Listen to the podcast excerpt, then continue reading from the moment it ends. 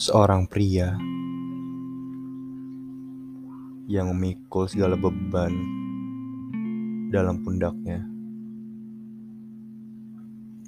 yang sampai detik ini berjuang dengan sendirinya.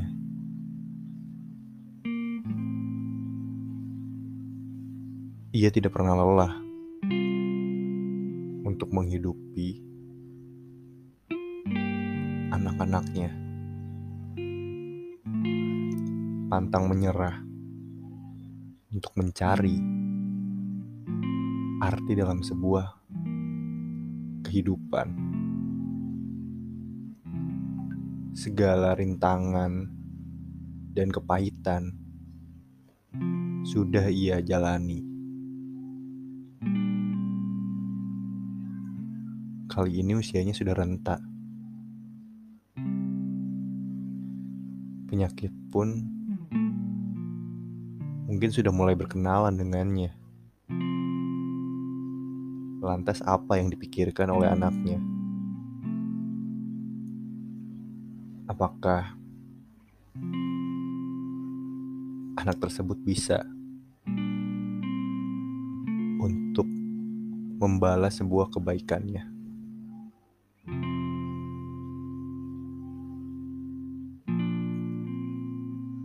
Jujur,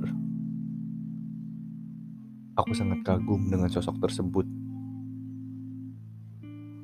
Karena sosok tersebut, aku bisa menjadi manusia sekarang ini. Walaupun aku masih jauh dari kata sempurna. Tapi aku tetap kagum dengan dirinya yang berjuang sampai detik ini. Yang memulai untuk bangkit dari keterpurukan. Entah udah berapa banyak caci maki yang sudah diterima olehnya. Dia selalu tetap tegar dan menjalani kehidupannya.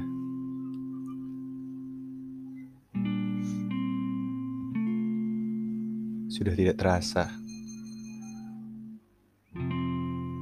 air mata ini keluar dengan sendirinya jika membahas sosok tersebut. Seorang pahlawan dalam hidupku yang mengajarkanku tentang banyak hal untuk tetap tegar dalam cobaan apa pun. Yang selalu mengingatkanku untuk tetap mengingat yang di atas. Bahwa di saat kita merasa sendiri, sesungguhnya kita masih punya Sang Pencipta. Di saat orang lain gak mau nerima cerita kita, keluh kisah kita, Sang Pencipta masih setia menunggu cerita-cerita yang kita jalani. Sungguh banyak cerita dan pengalaman yang aku dapatkan dari dirinya.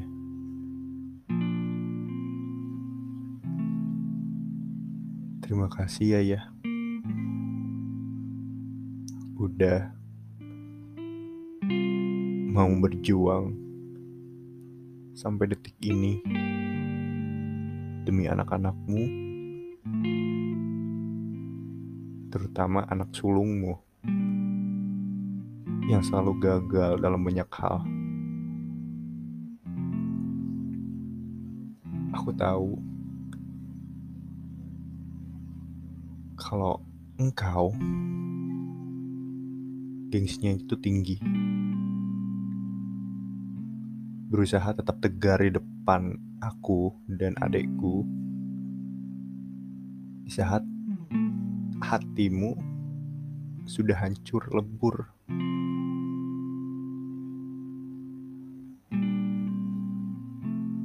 Untuk kali ini, aku cuma mau berpesan. Tetap sehat ya. Tetap hidup. Sampai di mana aku meraih yang namanya kesuksesan. Sampai aku bisa bantu ayah bangkit kembali.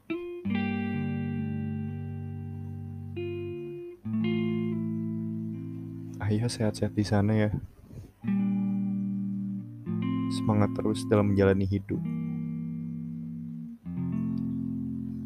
Aku selalu di sini mendoakan dirimu yang selalu berjuang untuk hidupku. Maaf kalau aku belum bisa ngasih yang terbaik untukmu.